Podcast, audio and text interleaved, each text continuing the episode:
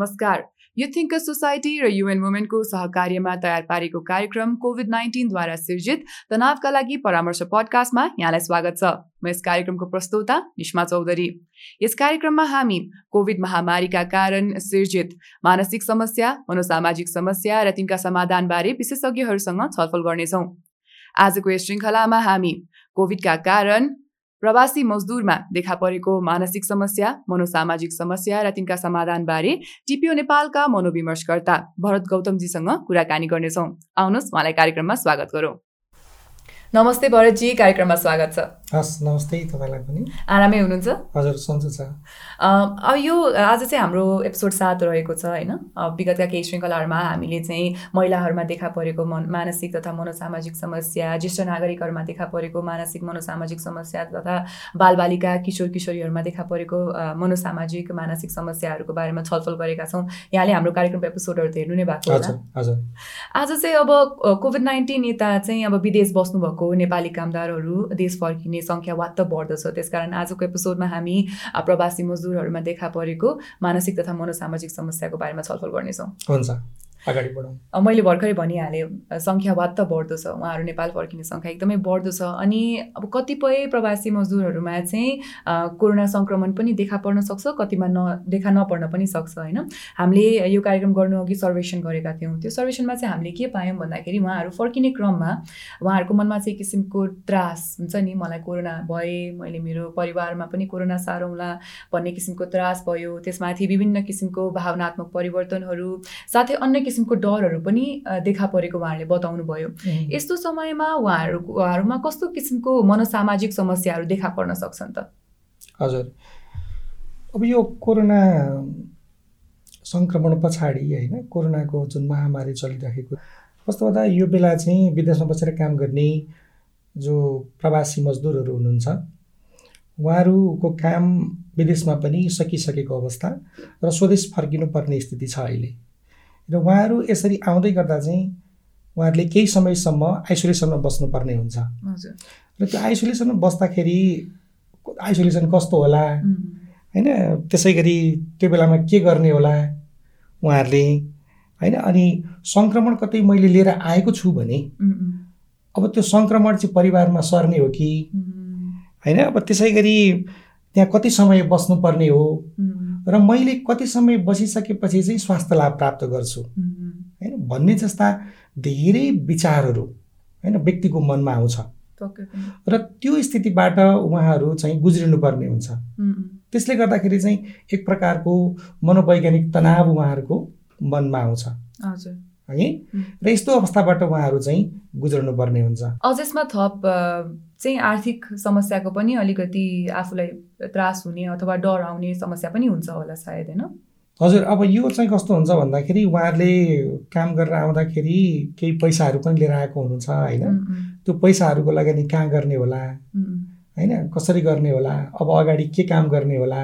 होइन परिवारको रेखदेख कसरी गर्ने होला होइन? बालबच्चाहरूको रेखदेख कसरी गर्ने होला होइन? समाजमा एउटा राम्रो स्वास्थ्यपूर्ण जीवन कसरी बिताउने होला भन्ने जस्ता सोचहरू चाहिँ आइरहेको हुन्छ। अनि यो कोभिडको बेलाले चाहिँ यो बेलामा चाहिँ त्यो कुरा गर्न नपाउने हुनाले अब एउटा मनमा ठुलो त्रास पैदा भइरहेको स्थिति चाहिँ यो विदेशबाट फर्कनु हुने आप्रवासी मजदुरहरूमा रहिरहेको हुन्छ आइरहेको हुन्छ। हजुर भरतजी अब विदेशबाट देश फर्किसकेपछि पक्कै पनि आर्थिक समस्याले आउने तनाव साथै परिवारको चिन्ताले पनि सताउने तनाव छँदै नै छ। अब कुरा गरौँ कोरोना पुष्टि भएमा। यदि कोही चाहिँ कोरोना पोजिटिभ देखिनु भयो भने चाहिँ उहाँहरूलाई एक किसिमको शारीरिक समस्या त आउँछ नि। साथै यसबाट मानसिक समस्या पनि उत्पन्न हुनसक्छ। यस्तो समयमा उहाँहरूले आफ्नो शारीरिक तथा मानसिक स्वास्थ्यको ध्यान कसरी राख्न सक्नुहुन्छ होला? यहाँ त विशेषज्ञ हुनुहुन्छ होइन? यहाँले के सल्लाह दिनुहुन्छ होला? हजुर अब यस्तो बेलामा चाहिँ व्यक्तिहरूलाई शारीरिक रूपमा र उनीहरूको भावनात्मक रूपमा पनि होइन असर पर्न जान्छ। जस्तै कोरोना सङ्क्रमणले गर्दा देखिने केही शारीरिक लक्षणहरू छन् कि? जस्तै सास फेर्न गाह्रो हुने ज्वरो आउने होइन निन्द्रा नलाग्ने होइन ध्यान केन्द्रित गर्ने गाह्रो हुने। यस्ता केही शारीरिक समस्याहरू बाहेक व्यक्तिका भावनात्मक समस्याहरू पनि आउँछन्। ती भावनात्मक समस्याहरू भनेका चाहिँ डर लाग्ने कि? डर लाग्ने अनि त्यस्तै गरी खुसी हुन नसक्ने। अनि यस्ता भावनात्मक समस्याहरू पनि हुन्छन्। होइन निद्रा पर्न गाह्रो हुने। यस्तो भयो भने चाहिँ समस्या समाधान गर्नका निम्ति हामीले दुवै ढङ्गले काम गर्नुपर्छ कि। एउटा चाहिँ व्यक्तिका शारीरिक समस्याहरू के छन् त्यसलाई सजिलो बनाउन काम गर्नु पर्यो। अनि व्यक्तिमा भएका भावनात्मक कठिनाइहरूलाई काम गर्न पनि हामीले सँगसँगै काम गर्नु हजुर। उहाँहरूले यस्तो बेलामा के गर्न सक्नुहुन्छ भने अब शारीरिक रूपमा उहाँहरूलाई जिउ पोलिराखेको छ भने। होइन? त्यसलाई होइन जिउलाई शीतल बनाउने बनाउनका लागि काम गर्न सकिन्छ। जस्तै त्यतिखेर उहाँहरूले चाहिँ नुहाउन सक्नुहुन्छ। होइन। त्यसै गरी उहाँहरूले मांसपेशीको आरामदायी अभ्यास गर्न सक्नुहुन्छ। होइन?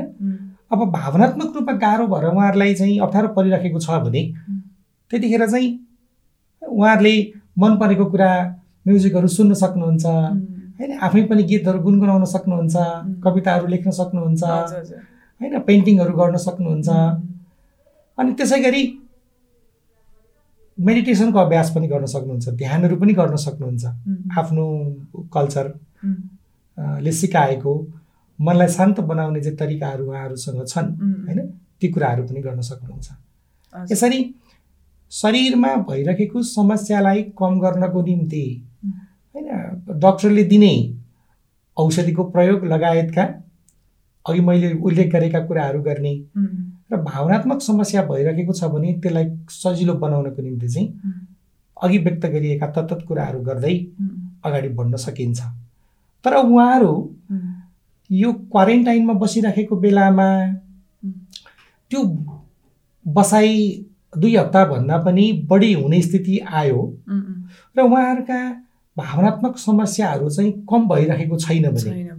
है उहाँहरूले चाहिँ विशेषज्ञको सेवा लिनुपर्ने स्थिति हुन्छ। है त्यतिखेर चाहिँ अस्पताल गएर डक्टरसँग सम्पर्क गर्ने अनि अस्पतालमै गएर मनोविदहरूसँग सम्पर्क गरेर भावनात्मक समस्याहरूबाट बाहिर निस्कनुको निम्ति थेरापीमा बस्ने यी कुराहरू गर्नुभयो भने व्यक्तिको एउटा मनोसामाजिक सुस्वास्थ्यमा राम्रो हुँदै होइन व्यक्ति अगाडिको जीवन बढ्न सक्नुहुन्छ।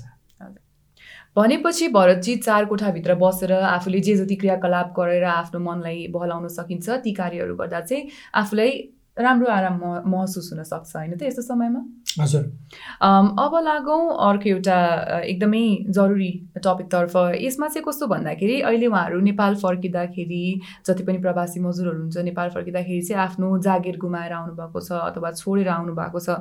उहाँहरूको रोजगारको जुन एउटा बाटो थियो त्यो बाटो अब रहेन। यसबाट चाहिँ अब आर्थिक समस्या त हुन्छ नै तर थप त्यसबाट चाहिँ मानसिक समस्याहरू पनि उत्पन्न हुनसक्छ अब यस्तो समयमा आफ्नो मानसिक स्वास्थ्यको ध्यान नराख्दा कस्तो किसिमको विषम र दीर्घकालीन समस्याहरू देखा पर्न सक्छन् त? हजुर यो अहिले परिस्थिति नै विषम खालको परिस्थिति हो कि? हजुर। यो विषम परिस्थितिमा चाहिँ मान्छेहरूमा त्यसमा पनि आप्रवासी मजदुरहरू जो आइरहनु भएको छ होइन? अरूलाई परे जस्तै उहाँहरूलाई पनि विषम परिस्थितिको एउटा प्रतिक्रिया देखिन्छ। त्यो विषम परिस्थितिमा देखिने यस्ता प्रतिक्रियाहरू भनेका चाहिँ सामान्य हुन् कि? जस्तै तनावमा जाने कुरा होइन? अलिअलि डर लाग्ने कुरा होइन? त्रास आउने कुरा चाहिँ सामान्य हुन् होइन? अब यो चाहिँ कसरी आउँछ त भन्ने कुरा चाहिँ मुख्य कुरा हो कि? यो विषम परिस्थितिले मान्छेको मनमा कसरी त्रास पैदा गर्छ? त्यो कुरा चाहिँ हामीले बुझ्नुपर्छ। अब त्यो कसरी गर्छ भने उहाँहरू जब आएर बसिसक्नुहुन्छ बसिसकेपछि एउटा जीविकोपार्जनको जुन आधार उहाँहरूले विदेशमा प्राप्त गर्नुभएको थियो त्यो चाहिँ गुम्छ कि उम्, होइन? अब यहाँ चाहिँ अब के गर्ने होला? के काम गरेर मैले अब अगाडि बढ्ने होला? होइन? भन्ने कुराको निश्चितता हुँदैन व्यक्तिमा। है त्यसले गर्दा एउटा आउने रहेछ। अर्को कुरो चाहिँ उहाँहरू आइसकिसकेपछि उहाँहरूलाई चाहिँ होइन एउटा श्रम बजारमा यहाँको श्रम बजारमा जानुपर्ने हुन्छ। तर यहाँको श्रम बजार के छ भने त्यति राम्रो छैन। उहाँहरू बाहिर गइसकेर के काम गर्ने भन्ने कुराको निश्चितता छैन फेरि पनि। होइन? हाम्रो आन्तरिक श्रम बजारको कमीको कारणले गर्दाखेरि अर्को त्रास पैदा हुन्छ मनमा है? अब त्यसै गरी अर्को चाहिँ के हुन्छ भने अब श्रम गर्न नपाइसकेपछि मान्छेले आफ्नो आय आर्जनको स्रोत गुमाउँछ। होइन? त्यो आय आर्जनको स्रोत गुमिसकेपछि एउटा सामान्य औसत सामाजिक जीवन हुन्छ मान्छेको होइन? त्यो चाहिँ बिताउन मैले नपाउने हो कि भन्ने कुराले अर्को त्रास थप्छ। है त्यसै गरी उहाँहरू भित्र पसिराखेको बेलामा पनि आफन्तहरूसँग भेट्ने इच्छा धेरै भएको हुन्छ कि बाहिरबाट आउने मान्छेहरूसँग। तर त्यो दुई हप्ताको बसाइले होइन तत्काल उहाँहरूले आफ्नो आफन्तजनहरूसँग भेट्न पाउनुहुन्न। होइन?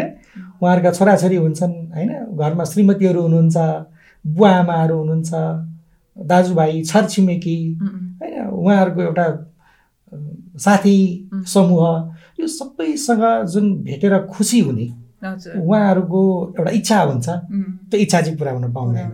होइन? त्यसले गर्दाखेरि चाहिँ अर्को तनाव पैदा हुन्छ फेरि। होइन? अर्को कुरा उहाँहरूले जे सिकेर आउनु भएको छ विदेशमा बसेर त्यो सिकेर आएको सिपलाई होइन प्रयोग गर्ने ठाउँ। उहाँहरूले जानेको कुरालाई राख्ने ठाउँ। होइन? नपाउँदाखेरि चाहिँ अलिकति आफैमा होइन हीनता बोध जस्तो अलिकति आफू अब केही काम नलाग्ने मान्छे बने जस्तो होइन? र अलिकति पश्चाताप जस्तो चाहिँ त्यो महसुस भावनात्मक रूपमा त्यो महसुसीकरण हुन जान्छ। होइन? र यस्तो कुरा होइन अलिकति पश्चाताप लामो समयसम्म रहिरह्यो र दुखी लामोसम्म भइरह्यो भने चाहिँ त्यसले चाहिँ अन्तत्वगत्वा विभिन्न खालका मनोसामाजिक समस्याहरू उत्पन्न गर्छ कि? त्यो भनेको चाहिँ व्यक्ति चाहिँ एउटा निराशाको अवस्थामा पुग्न जान्छ। होइन? निराशाको अवस्था भनेपछि आफूमा नरमाइलो लाग्ने होइन नकारात्मक सोचहरू आउने। अब यस्तो जीवन के बाँच्नु होला र भन्ने खालको सोचाइहरू आउने। यस्तो स्थितिमा व्यक्ति पुग्न सक्छ। तर त्यो स्थितिबाट बचाउन चाहिँ होइन हामीले सुरुमै उहाँहरूलाई सहयोग गऱ्यौँ भने। त्यो सहयोग भनेको चाहिँ काउन्सिलिङको सहयोग मनोविमर्शको सहयोग होइन? गऱ्यौँ भने चाहिँ उहाँहरूको मनोवैज्ञानिक अवस्था बिग्रिनबाट बचाउन सकिन्छ र सुस्वास्थ्य कायम गर्दै अनि फेरि समाजमा जोडेर अगाडि बढाउन सकिन्छ। हजुर भरतजी निकै महत्त्वपूर्ण विधिहरू एकदमै क्रमबद्ध रूपमा भनिदिनु भयो यहाँले। पक्कै पनि यसले हाम्रो दर्शक श्रोतालाई मद्दत गर्छ। अब अहिलेको समयमा थुप्रै रिपोर्टहरू निस्केका छन्। थुप्रै रिपोर्टहरूले के जनाएका छन् भन्दा अहिले धेरै पीडा भएको कारणले केही व्यक्तिहरू चाहिँ नसाको शरणमा पुग्नु भएको छ। यसले त समस्या धन झन् बढाउँछ जस्तो लाग्छ। अनि यस्तो बानीमा यस्तो लतमा नपुग्नको लागि अथवा जोगाउनको लागि चाहिँ के गर्न सकिन्छ होला? हो तपाईँले राम्रो विषय उठान गर्नुभएको छ। हाम्रो बाहिरबाट आउने जो कामदारहरू हुनुहुन्छ आप्रवासी कामदारहरू आइसके पछाडि एक खालको तनावको स्थितिबाट गुज्रिरहनु भएको छ। र तनावलाई कम गर्नको निम्ति चाहिँ उहाँहरूलाई अरू तरिका थाहा भएन भने होइन तनाव कम गराउने अरू पनि तरिकाहरू छन् ती तरिकाहरू थाहा भएन भने चाहिँ उहाँहरूले पहिलेदेखि नै प्रयोग गर्दै आउनुभएका तरिकाहरू जो नसाको सेवन हुनसक्छ होइन? नसालु पदार्थहरूको सेवन हुनसक्छ नसाजन्य पदार्थहरूको सेवन हुनसक्छ होइन? रक्सीजन्य पदार्थहरूको सेवन हुनसक्छ ती यस्ता पदार्थहरूको सेवन गर्दाखेरि चाहिँ उहाँहरूलाई लाग्न सक्छ कि मेरो तनाव घट्छ भनेर।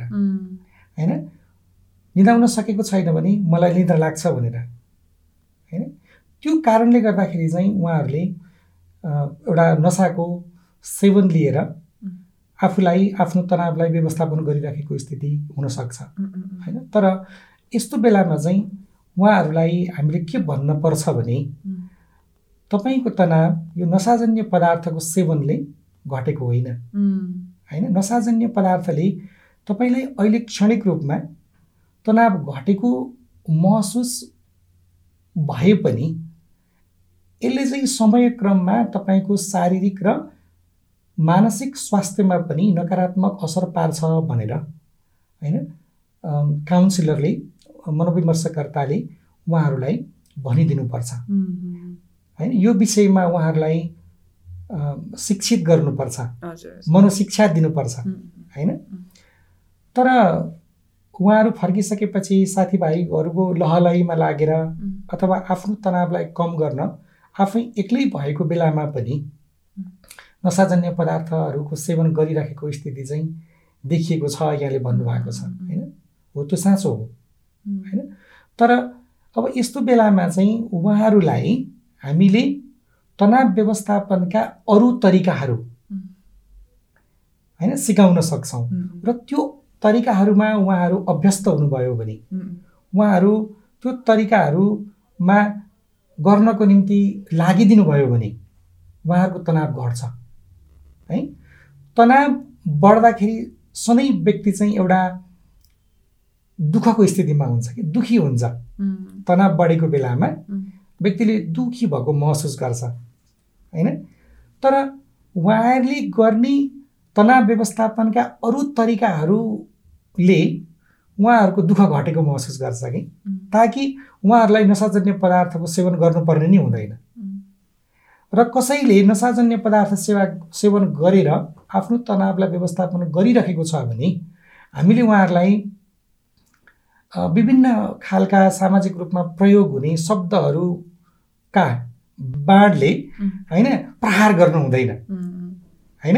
यसको विपरीत चाहिँ बरु उहाँहरू तनावमा हुनुहुन्छ होइन? त्यो तनावको कारणले गर्दाखेरि उहाँहरूको शरीरमा अप्ठ्यारो महसुस भइरहेको छ भावनात्मक रूपमा गाह्रो महसुस भइरहेको छ निद्रामा अप्ठ्यारो परिरहेको छ भन्ने कुरालाई स्वीकारी दिनुपर्छ। है? र हामीले तनाव व्यवस्थापनका अरू तरिकाहरू मैले भनिसकेँ जो जो चाहिँ सामाजिक सञ्जालमा जोडिने कुरा होइन शारीरिक व्यायाम गर्ने कुरा र आफ्नो केयर गर्ने कुरा। होइन उहाँहरूले गर्नुभयो भने उहाँहरूमा खुसी आउँछ कि? तनाव घट्छ। भनेपछि व्यक्ति खुसी भइसकेपछि त्यो सेवनै गर्दैन कि? होइन? हो त्यो सिपहरू चाहिँ हामीले सिकाउनुपर्छ। त्यसमा सिप के हुनसक्छ भन्दा एउटा महत्त्वपूर्ण सिप चाहिँ अवेरनेसको अभ्यास भन्छौँ कि हामीले। है? अवेरनेस भनेको चाहिँ चाल पाउने कि? त्यो तनाव भइराखेको बेलामा पिउनुभन्दा अगाडि अथवा नसाजन्य पदार्थ सेवन गर्नुभन्दा अगाडि मलाई के भइराखेको छ भनेर व्यक्ति स्वयंले चाल पाउने सिप हो। व्यक्तिलाई होइन एउटा छटपट्टि होइन भइराखेको हुनसक्छ पसिना आइराखेको हुनसक्छ होइन ध्यान केन्द्रित नभइराखेको हुनसक्छ होइन? हो त्यो कुरा गर्नको निम्ति चाहिँ उहाँहरूले सेवन गरिरहेको हुन्छ कि त्यो कुरो? त्यो कुरो नसाजन्य पदार्थ सेवन गरिसकेपछि मेरो ध्यान केन्द्रित हुन्छ म समूहमा गएर बोल्न सक्छु। होइन? अलिकति उहाँहरूलाई कन्फिडेन्स भनेपछि त्यो एउटा मनोबल। होइन? बढेको चाहिँ अनुभव हुन्छ। त्यो लिएर आउनको निम्ति चाहिँ उहाँहरूले प्रयोग गरिरहेको हुन्छ। होइन? तर अरू तरिकाले पनि त्यो आयो भने व्यक्तिले गर्दैन। होइन? त्यसो भएको हुनाले ती सिपहरू चाहिँ मनोविमर्शकर्ताको माध्यमद्वारा उहाँहरूलाई सिकाउन सकियो भने चाहिँ यसले मनोसामाजिक सुस्वास्थ्य बनाउनको निम्ति मद्दत गर्छ। हजुर भनेपछि अब यो त अब हामीले प्रवासी मजदुरहरूको कुरा गऱ्यौँ तर अब पीडा त अहिलेको समयमा सबैलाई नै छ। जसको कारणले अरू व्यक्तिहरू पनि पीडा बोलाउन नसाको शरणमा जान सक्नुहुन्छ जस्तो मलाई लाग्यो होइन र? भनेपछि केही समस्या अनि यसको जुन समाधानहरू यहाँले भन्नुभयो यो सबै उहाँहरूलाई पनि लाग्छ त? हो तपाईँले ठिक भन्नुभयो। यो समस्याहरू तनावको जुन समस्या छ होइन यो पीडाको जुन समस्या छ प्रवासी मजदुरहरूमा मात्रै देखिने होइन अब यो अहिलेको जुन विषम परिस्थिति छ होइन कोभिड नाइन्टिनले पैदा गरेको जुन विषम परिस्थितिमा चाहिँ आम समुदाय नै एउटा तनावको स्थितिबाट गुजिरहेको छ कि? होइन? समुदायका मान्छेहरूमा अब कोभिडले ल्याएको त्रासले गर्दाखेरि जुन तनाव छ उहाँहरू पनि त्यो तनावको स्थितिबाट नै अगाडि बढिरहनु भएको छ। भनेपछि समुदायमा अरू मान्छेहरू पनि होइन अब यो नसाजन्य पदार्थको सेवन गर्ने क्रममा छन्। होइन नसाजन्य पदार्थको लत परेको स्थिति पनि छ लतमा भएको. अवस्था पनि छ। होइन र उहाँहरूलाई पनि होइन यस्तो भएको स्थितिमा चाहिँ जो मैले अघि माथि होइन यो बाटो बचाउन उहाँहरूलाई कसरी सहयोग गर्न सकिन्छ भन्ने कुरा हामीले गऱ्यौँ होइन। यिनै उपायहरूबाट यिनै तरिकाहरू प्रयोग गर्दै उहाँहरूलाई पनि उहाँहरूको तनाव व्यवस्थापनमा. मद्दत गर्दै यो लत लाग्ने कुराबाट. बचाउन सकिन्छ. ताकि समाजका ती मान्छेहरू होइन आफ्नो एउटा मनोसामाजिक सुस्वास्थ्य कायम गर्दै जीवनमा अगाडि बढ्न सकुन् भरत चाहिँ यहाँले थुप्रै प्रश्नको उत्तर दिँदाखेरि चाहिँ हामीले मनोसामाजिक परामर्श लिनुपर्छ भन्ने कुराको जानकारी त दिनै सक्नुभयो होइन? अब यदि कोही प्रवासी कामदारहरू नेपाल फर्किनु भएको छ र उहाँलाई कुनै मनोसामाजिक परामर्शको आवश्यकता छ भने उहाँहरूले कहाँ सम्पर्क गर्न सक्नुहुन्छ? र अर्को चाहिँ के प्रश्न छ भन्दा के साधारण व्यक्तिले पनि यी ठाउँमा सम्पर्क गर्न सक्नुहुन्छ? यी सुवि सुविधाहरू सजिलै पाउन सक्नुहुन्छ त? हजुर। यसमा चाहिँ प्रवासी मजदुरहरूले मात्रै होइन।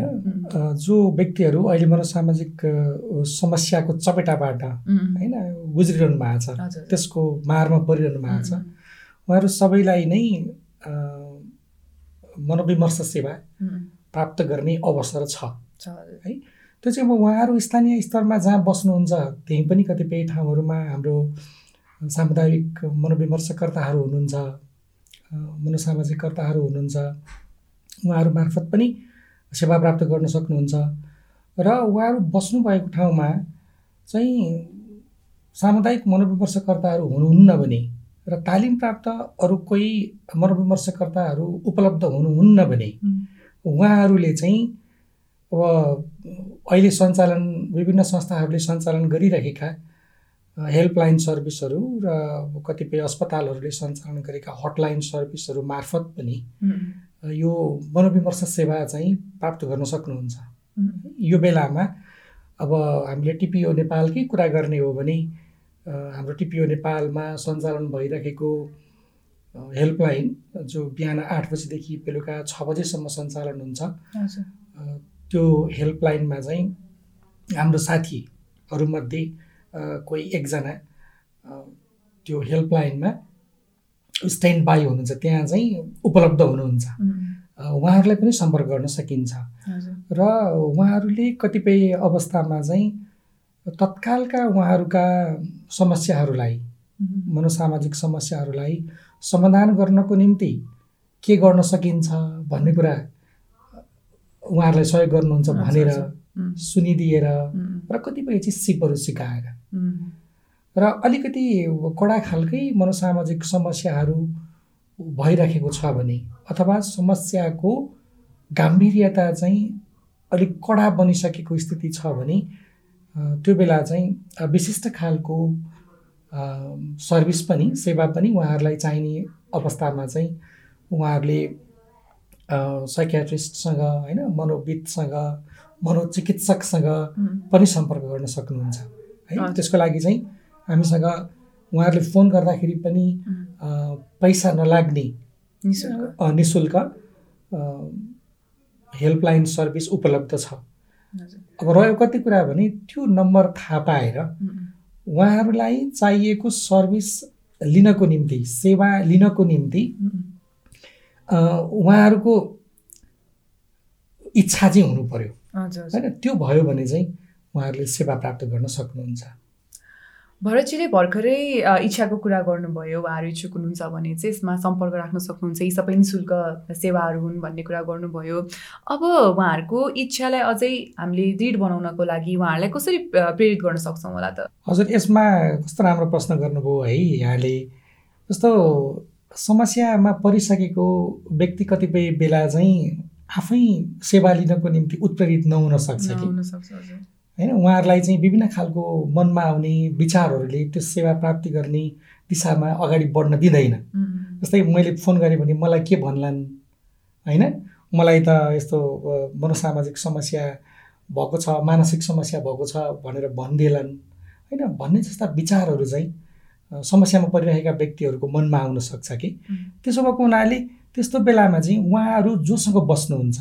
होइन उहाँहरूको जुन परिवार छ ती परिवारका सदस्यहरूले व्यक्तिमा भइरहेको समस्यालाई देखिसकेपछि ती सेवाहरू चाहिँ यहाँ प्राप्त गर्न सकिन्छन् भन्ने कुरो उहाँहरूले थाहा पाउनुभयो भने। होइन?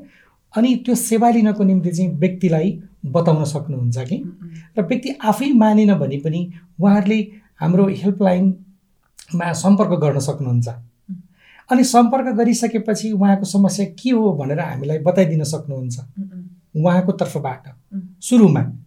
तर अन्तत्वगत्वा हामीले काम गर्ने भनेको त समस्यामा परेको व्यक्तिसँगै हो होइन? त्यति जोडिसकेपछि चाहिँ हामीले उहाँसँग केही बेर कुराकानी गर्न चाहन्छौँ। उहाँलाई जोडिदिन सक्नुहुन्छ कि भनेर हामीले भनिसकेपछि होइन? उहाँहरूले चाहिँ प्रयत्न गरिदिनुहुन्छ उहाँहरूकै तर्फबाट। र उहाँहरूलाई चाहिँ त्यो टेलिफोनको साधनसँग होइन नजिकै लिएर आउन सकियो भने त्यस पछाडि उहाँसँग जोडिएर काम गर्ने चाहिँ हामीले उहाँसँग कसरी कुराकानी गर्नुपर्छ उहाँलाई त्यतिखेर के भन्नुपर्छ र उहाँलाई सर्भिस लिन कसरी मोटिभ मोटिभ गर्नुपर्छ कसरी उहाँलाई उत्प्रेरित गर्नुपर्छ भन्ने कुरा चाहिँ हाम्रो सञ्चारको उहाँसँगको कुराकानीको दौरानमा पैदा हुन्छ। है? हामीले उहाँसँग कुराकानी गर्ने बेलामा त्यो कुरा चाहिँ आउँछ। होइन? अनि उहाँहरू चाहिँ त्यो सर्भिस लिनको निम्ति उत्प्रेरित हुनुहुन्छ। यसरी उहाँहरूलाई मोटिभेट गर्न सकिन्छ। है? त्यो सुरुमा चाहिँ उहाँहरूले परिवारका सदस्यले यो सर्भिस छ होइन? तिमी यसमा कुराकानी गऱ्यौ भने तिमीलाई सजिलो हुन्छ।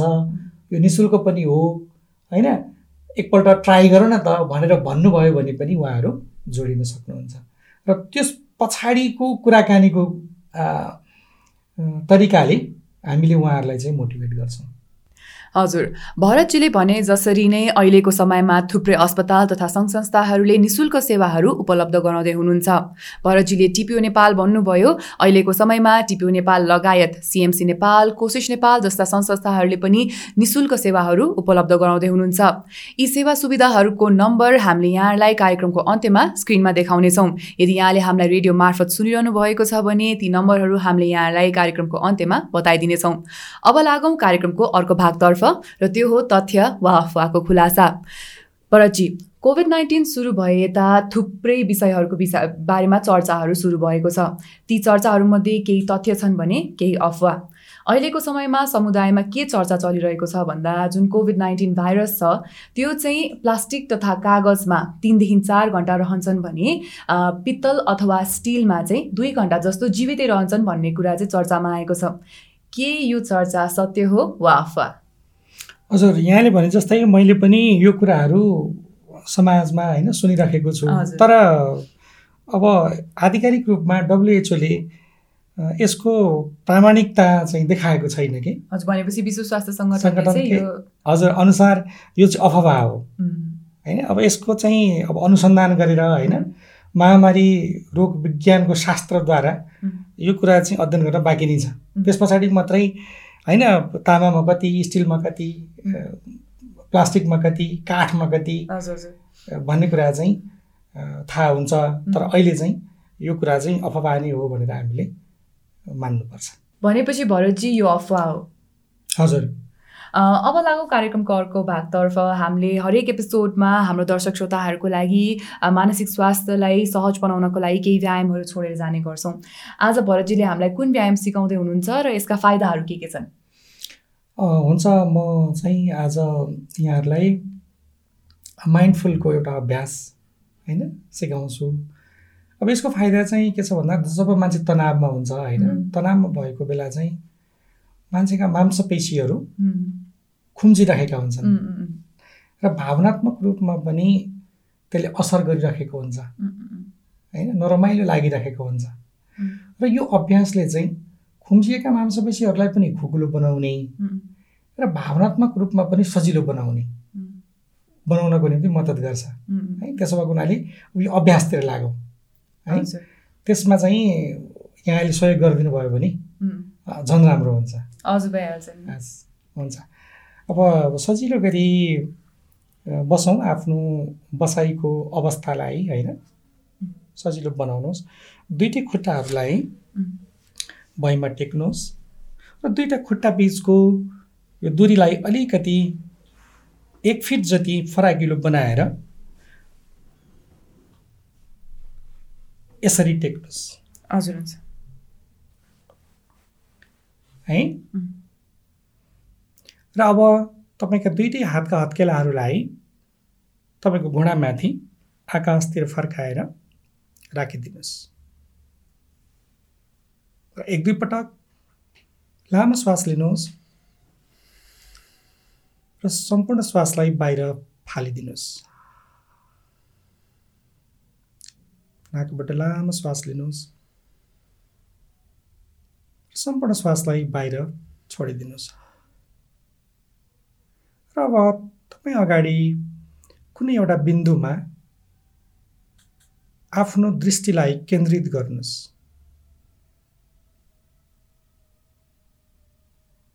र बिस्तारै त्यहाँबाट टाढा हुनको लागि आँखालाई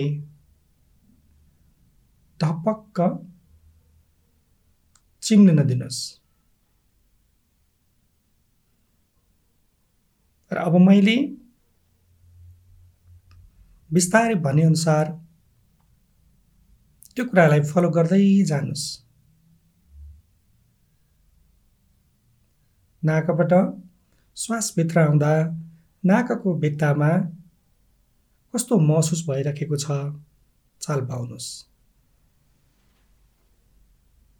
श्वास बाहिर जाँदा श्वासले नाकको भित्री भागका भित्ताहरूमा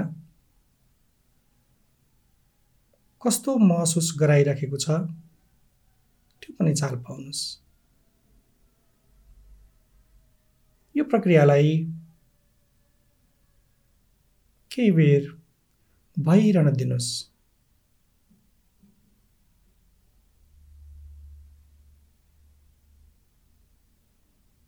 अब तपाईँको शरीरका विभिन्न भागहरूलाई हेर्दै हेर्दै हामी अगाडि बढ्छौँ। तपाईँको निधारमा कस्तो महसुस भइरहेको छ? चाल पाउनुहोस्। गर्दनमा कस्तो महसुस भइरहेको छ? चाल पाउनुहोस्। जे भइरहेको छ त्यही चाल पाउनुहोस्। दुखेको छ दुखेको चाल पाउनुहोस्। घोचेको छ पोलेको छ जस्तो भइरहेको छ त्यो कुरालाई चाल पाउनुहोस्। त्यसलाई हटाउन नखोज्नुहोस्। त्यसलाई बाहिर भगाउन बल नगर्नुहोस्। त्यसलाई मनको आँखाले अवलोकन मात्रै गर्नुहोस्। छातीको बायाँपट्टि कस्तो महसुस भइरहेको छ? दायाँपट्टि कस्तो महसुस भइरहेको छ? पिठ्युको बायाँपट्टि कस्तो महसुस भइरहेको छ? दायाँपट्टि कस्तो महसुस भइरहेको छ? क्रमसँग मनको आँखाले अवलोकन गर्दै गर्दै शरीरको तल्लो भागतिर अगाडि बढौँ कम्मरमा कस्तो महसुस भइरहेको छ? पेटमा कस्तो महसुस भइरहेको छ? तपाईँको बायाँ खुट्टाको माथिल्लो भागमा कस्तो महसुस भइरहेको छ? थाहा पाउँदै जानुहोस् चाल पाउँदै जानुहोस् केही पनि भएको छैन भने पनि त्यही केही नभएकै चाल पाउनुहोस् बायाँ खुट्टाको घुँडामा कस्तो महसुस भइरहेको छ? पिडौलामा कस्तो महसुस भइरहेको छ? घोलीगाँठा कुर्कुच्चा पैतालाको केन्द्रमा र औँलाहरूमा। चाल पाउनुहोस् तपाईँलाई कस्तो महसुस भइरहेको छ?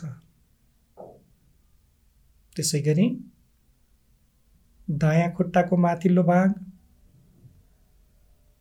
घुँडा पिडौला गोलीकाँटा कुर्कुच्चा पैतालाको केन्द्र र औँलाहरू क्रमसँग हेर्दै हेर्दै हेर्दै हेर्दै मनको आँखाले त्यसलाई अवलोकन गर्दै गर्दै गर्दै गर्दै तलतिर अगाडि बढ्नुहोस्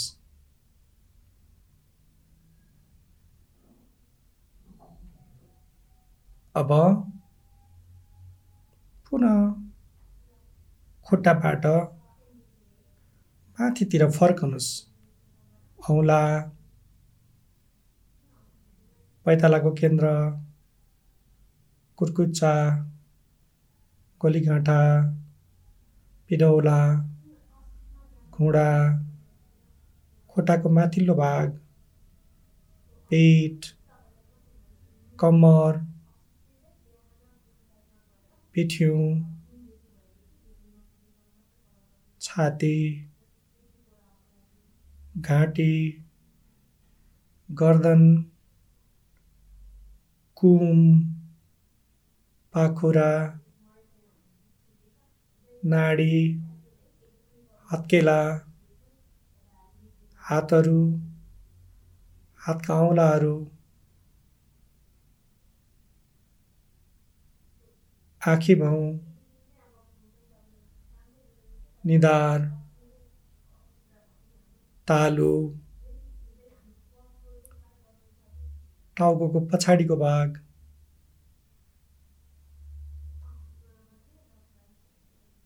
तपाईँले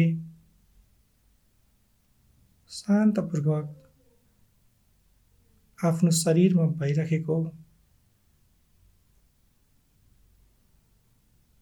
अनुभवलाई चाल पाउनु भएको छ। लामो श्वास लिनुहोस्। सम्पूर्ण श्वासलाई बाहिर फालिदिनुहोस्।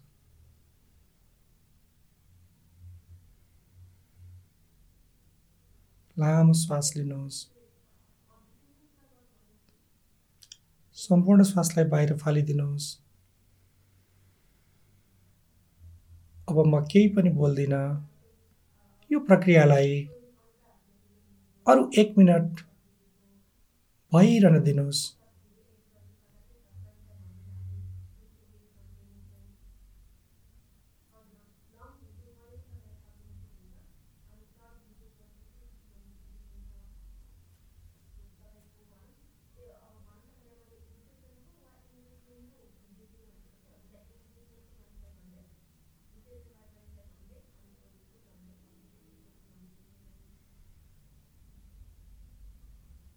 अब बिस्तारै तपाईँका अघिदेखि चिम्लिएका आँखाहरूलाई एकैचोटि झ्वाट्ट होइन बिस्तारै परेलाहरू खोल्नुहोस्। आँखालाई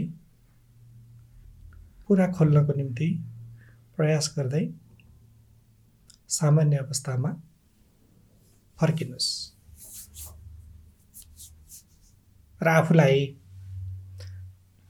सहज बनाउनको निम्ति चलेर सहज बनाउनुहोस्। यो अभ्यास हामीले गर्न सक्छौँ। परजी निकै नै राम्रो अभ्यास रह्यो। र पक्कै पनि हाम्रो दर्शक श्रोतालाई चाहिँ यसले आफ्नो मानसिक स्वास्थ्यको ख्याल राख्न सहयोग गर्छ भन्ने हामी आशा गर्छौँ। आजको एपिसोडमा यहाँले जति पनि कुराहरू बताउनु भयो मानसिक स्वास्थ्य सम्बन्धी त्यसले पनि हाम्रो दर्शक श्रोतालाई निकै नै सहयोग गर्छ भन्ने हामी आशा गर्छौँ। यहाँको समयको लागि धेरै धेरै धन्यवाद।